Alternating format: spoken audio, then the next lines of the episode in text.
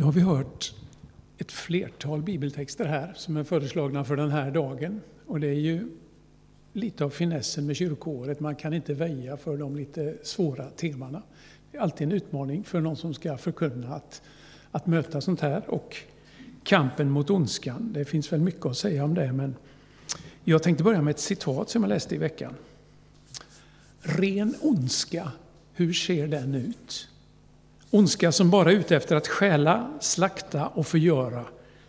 Frågan är om inte gasattackerna mot, gasattackerna mot skolflickor i Iran passar in på den beskrivningen. Att oprovocerat förgifta flickor som inte gjort något ont. Hur kan man ens komma på tanken? Och temat är ju som ni har hört kampen mot ondskan. Ett av ämnena är fastetiden och de hämtar ju sina förebilder, fastan bland annat från Jesu frestelse i öknen. Och jag har valt med mitt, vad ska man säga, mitt tankegods idag att utgå ifrån Elias, berättelsen om Elias här. Jag tänker inte återberätta den mer. Men eh, Ulla gav ju oss lite bakgrund här. Och det är viktigt att på något sätt kunna sätta in en text i sitt sammanhang. Och när vi är i Gamla Testamentet så är det ju inte alltid är, vi är lika bekanta med vad som händer.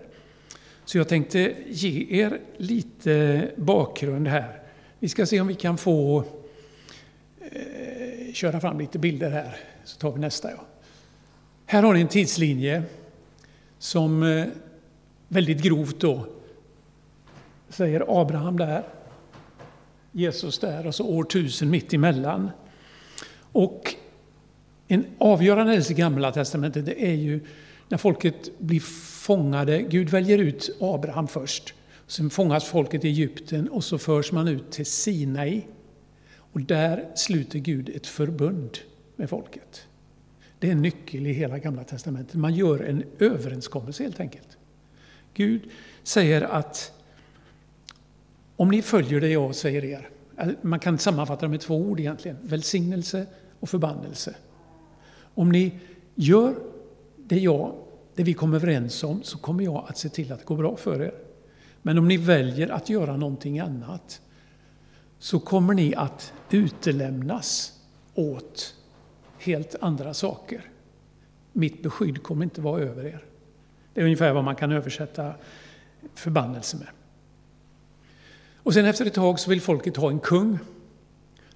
De får några kungar. David är ju den största av dem. Han är både poet och krigare. En eh, ganska eh, udda sammansättning kan man tycka. Sen så får han en son som heter Salomo som på något sätt gör, då är Israels rike i sin prydo, höll jag på att säga, men sådana ord använder man väl inte idag. Det, då är det stort, då är det mäktigt och det, det är fred. Och det är massa folk som kommer till och Salomo han bygger jättemycket, han är byggherren. Men efter Salomo så delas riket. Jag ska avstå från frestelsen att gå in på vad som hände. Men eh, 931 är året när riket delas och då blir det ett nordrike som är Israel och ett sydrike. Du kan plocka fram den där tror jag, Andreas. Där, ja. Och de rikena består lite olika länge. Nordriket ser ni tar slut tidigare. Syrierna kommer från norr och tar in det på 700-talet. Och sen lite senare är det babylonierna som Sydriket eller Juda som faller. Och som Ulla sa så kan vi placera in Elia här. 800-talet.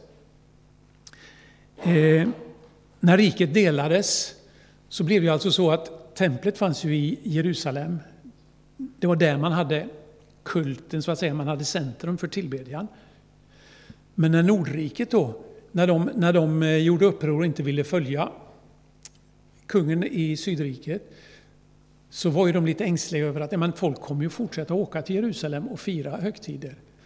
Så då skapar man egna gudar. Det står bland annat beskrivet att man lät gjuta, gjuta två guldkalvar och säger att det här är våra gudar, de här ska vi tillbe. Och sen kommer det ett antal kungar innan vi möter kungen Ahab, eller Ahab som det står i den översättning som jag läser nu. Det är lite svårt att ta till sig det när man läst, hört Ahab i hela sitt liv. Eh, så att det kan bli lite av varje här idag känner jag. Men han är alltså den sjunde kungen i Israel. Inne på den fjärde dynastin. En kung, han, en som försökte ta livet av en annan kung, han överlevde bara en vecka. Så det är liksom kamp om makten i Nordriket där.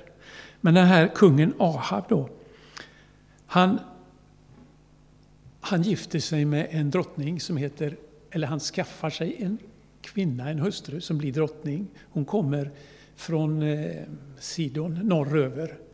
Eh, hon heter Isabel. Och det berättas om henne alltså att hon har med sig profeter, många, låter bygga ett tempel åt Baal, guden, flera tempel och sen så står hon för deras underhåll. Och hon försöker också att ta livet av de profeterna som dyrkade Javé. Så här, det som händer i den här tiden det är ju att eh, ett helt annat inflytande kommer in. Och kungen han låter henne hålla så att säga. Och det är utifrån det som Elia kommer och säger till kungen, precis som Ulla sa, att Gud har sagt att det kommer inte regna här på väldigt lång tid. Det kommer inte komma en droppe. Och sen säger Gud åt honom att stick. Göm dig Elia. För det, kungen är ute efter honom och efter tre år sen då så kommer han tillbaks. Och det är då vi hör den här händelsen. Och då blir det en konfrontation. Och precis som vi hörde så handlar det om Elia utmanar folket. Vem är det som är Gud? Och hela den här händelsen, som jag inte ska återberätta då, så visar Gud vem som är Gud. Och folket säger ja, vi inser att Herren är Gud. Eh, lite intressant läsning det är om ni vill läsa Första Kungaboken 19 sen, depressionen som drabbar Elia efter det här. Och hur Gud visar att han bara inte är de stora tecknen utan att han är även i den stilla susningen. Det är ganska intressant läsning. Okej, det är om den texten. Eh, men om vi ska tala om ondskan idag så får man ju ställa frågan vad är egentligen ondska? Och då hamnar man i det som brukar kallas teodicéproblemet som jag inte tänker försöka reda ut i, utan det är sånt som tänkare och filosofer har grundat över under många år. Och det, i princip så handlar det ju om om Gud är allsmäktig, kan göra vad som helst och Gud är helt god och onda, ondskan finns. Hur får man ihop den ekvationen?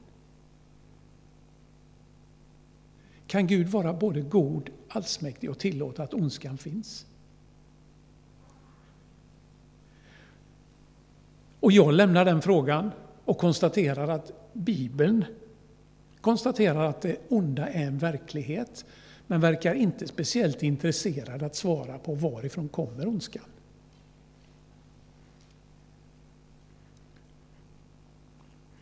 Gud är ju skaparen som står bakom världen. Och hans syfte med människan brukar man... En del brukar förklara det i tre punkter så här. Va? Att människan ska förhärliga Gud, förverkliga Guds vilja och förvalta skapelsen. Men så kommer någonting främmande in, det onda. Och när jag funderar på det här så funderar jag, hur kan man beskriva det onda? Ett sätt som jag försöker, men jag vet inte om det, den här liknelsen kanske haltar, men när man ska beskriva Gud, om vi läser om Gud i Gamla Testamentet så det, möter vi berättelser hela tiden. Vi har mött flera berättelser, åtminstone ett par berättelser idag här. Och de berättelserna talar ju om vem Gud är. Och när man då ska tala om Gud så försöker man utifrån de här berättelserna att beskriva Gud, ge Gud egenskaper. Berättelserna är ju levande, beskrivningarna blir ju ofta lite torrare, lite mer fyrkantiga så här. vi försöker hitta begrepp för vem Gud är. Men oavsett hur vi försöker beskriva Gud så kan vi ju liksom inte fånga in Gud. Någon använder bilden, eh, liknelsen med talet pi. När man räknar eh, cirkels omkrets så är ju talet pi, men det spelar ingen roll hur många decimaler. Jag hörde någon som hade memorerat en fruktansvärd massa decimaler på talet pi. Men det hjälper inte, för att vi kan inte fånga det talet. Det är ju vad man kallar för ett irrationellt tal. Och på samma sätt när vi ska beskriva Gud så kan vi bara ge ett närmevärde. Vi kan liksom inte fånga in Gud, vi kan ge en antydan om vem Gud är. Och jag tänker att på samma sätt så kanske det är med ondskan. Vi ser ondskan, vi kan berätta om ondskan, vi kan försöka ge ondskan olika egenskaper, men vi kan inte fånga in ondskan. Och Bibeln försöker inte heller fånga in och tala om varifrån ondskan finns eller ondskan finns.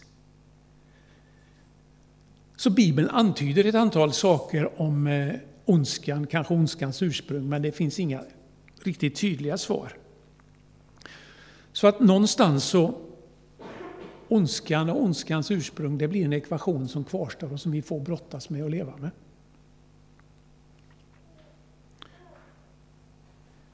Men om man då tänker ondskans olika ansikten, vilka uttryck tar sig ondskan?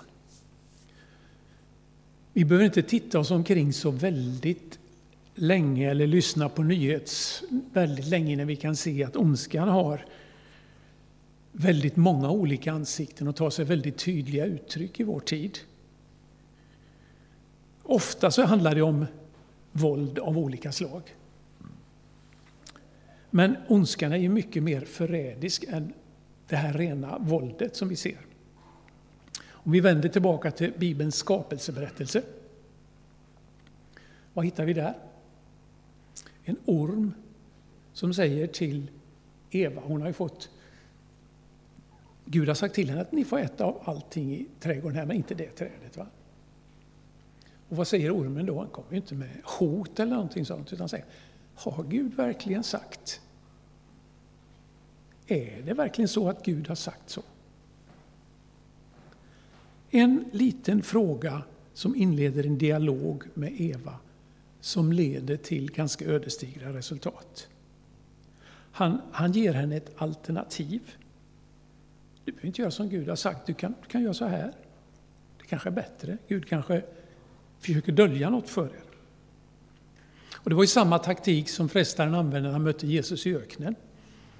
Och någon har beskrivit de här så här. Att Jesu frestelse, det är att, att lämna Gud utanför.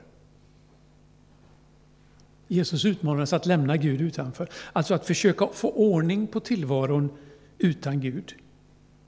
Att skapa fred, rättvisa i världen utan Gud.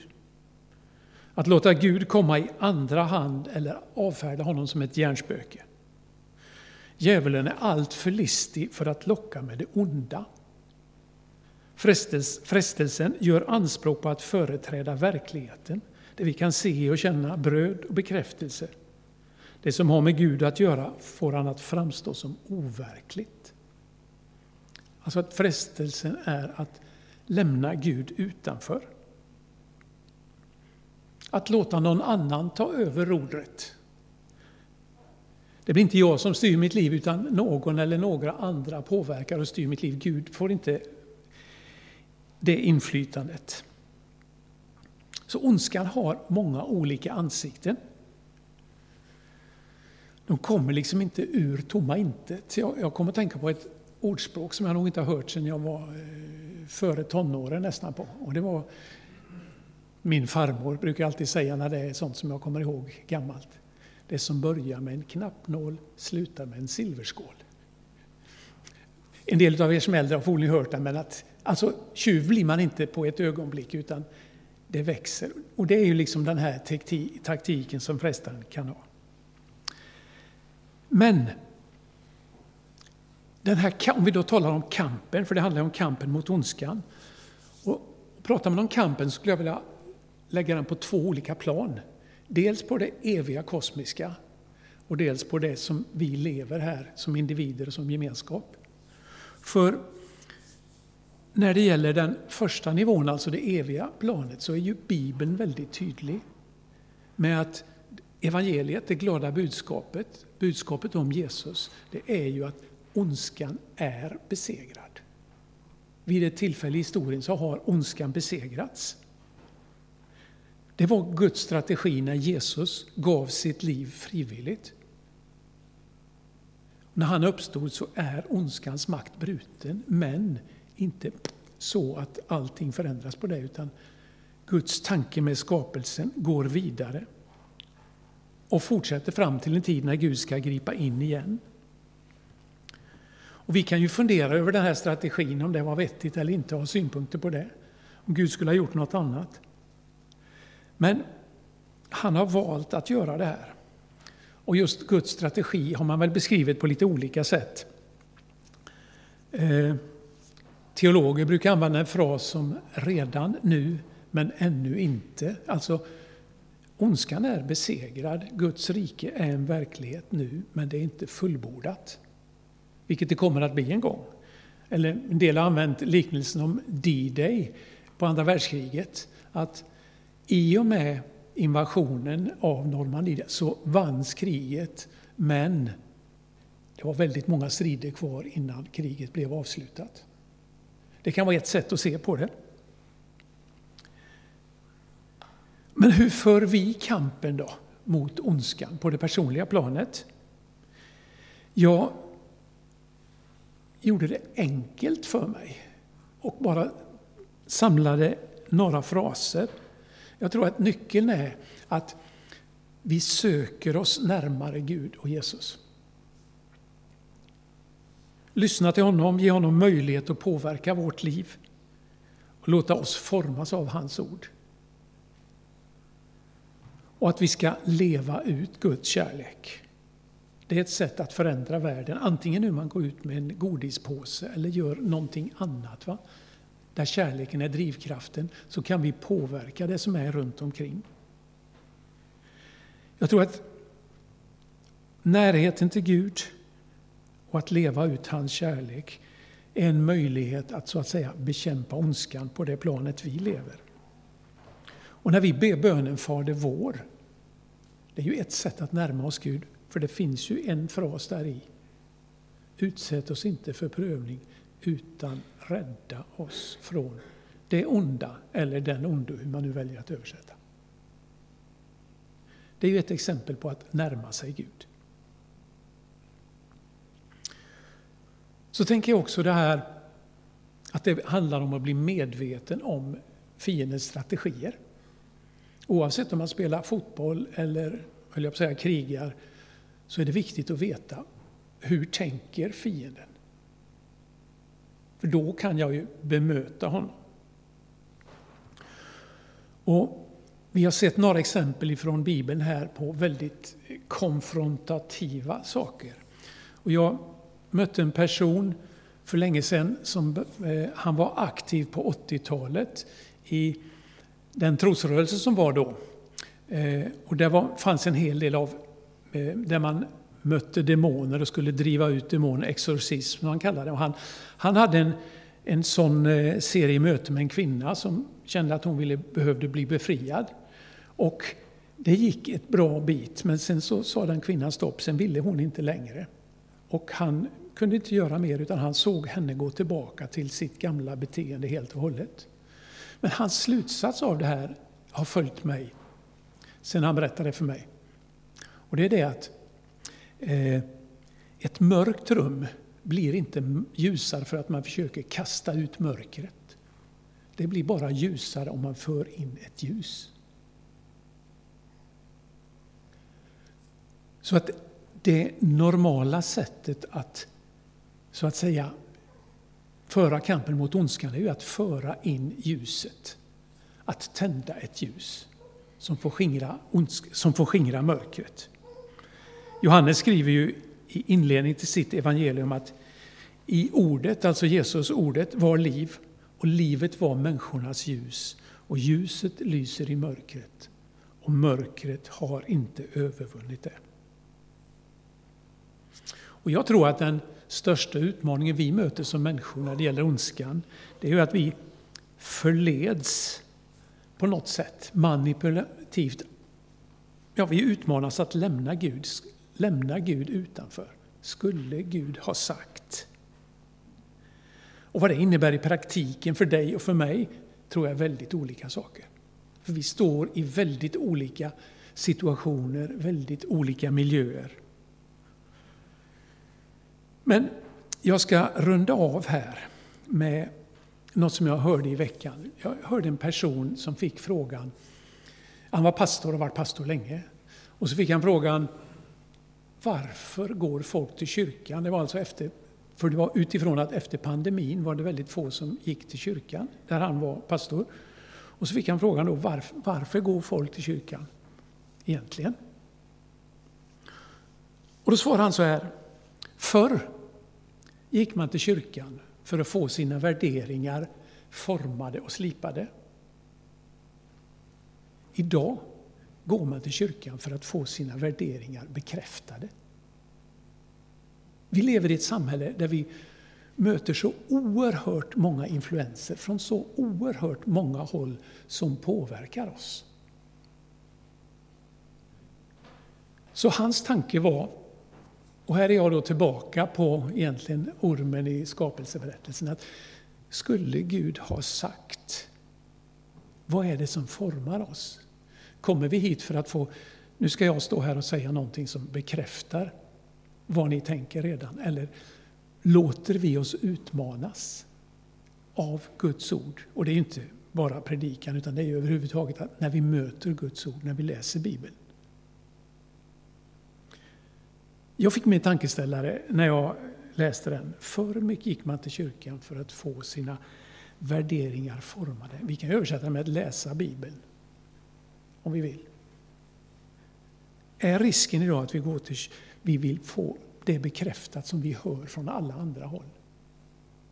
Och Det tror jag då kan vara en utmaning att lämna Gud utanför. Och med den utmaningen tänkte jag lämna er. Låt oss be. Jesus, tack för att du, Guds son, lämnade det himmelska och blev människa. Levde som människa. Vet vad det är att vara människa, även det vi, som vi har det idag. Du mötte utmaningar, du mötte ondskan. Men du följde Guds vilja.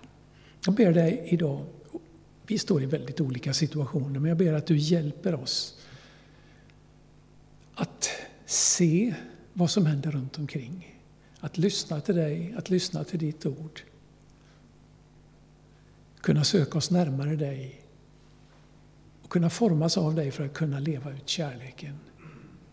Att vi får bli ljus i det som är mörker. Kanske situationer vi står i, människor vi känner. Hjälp oss att leva kärleksfullt och på det sättet bekämpa ondskan. Amen.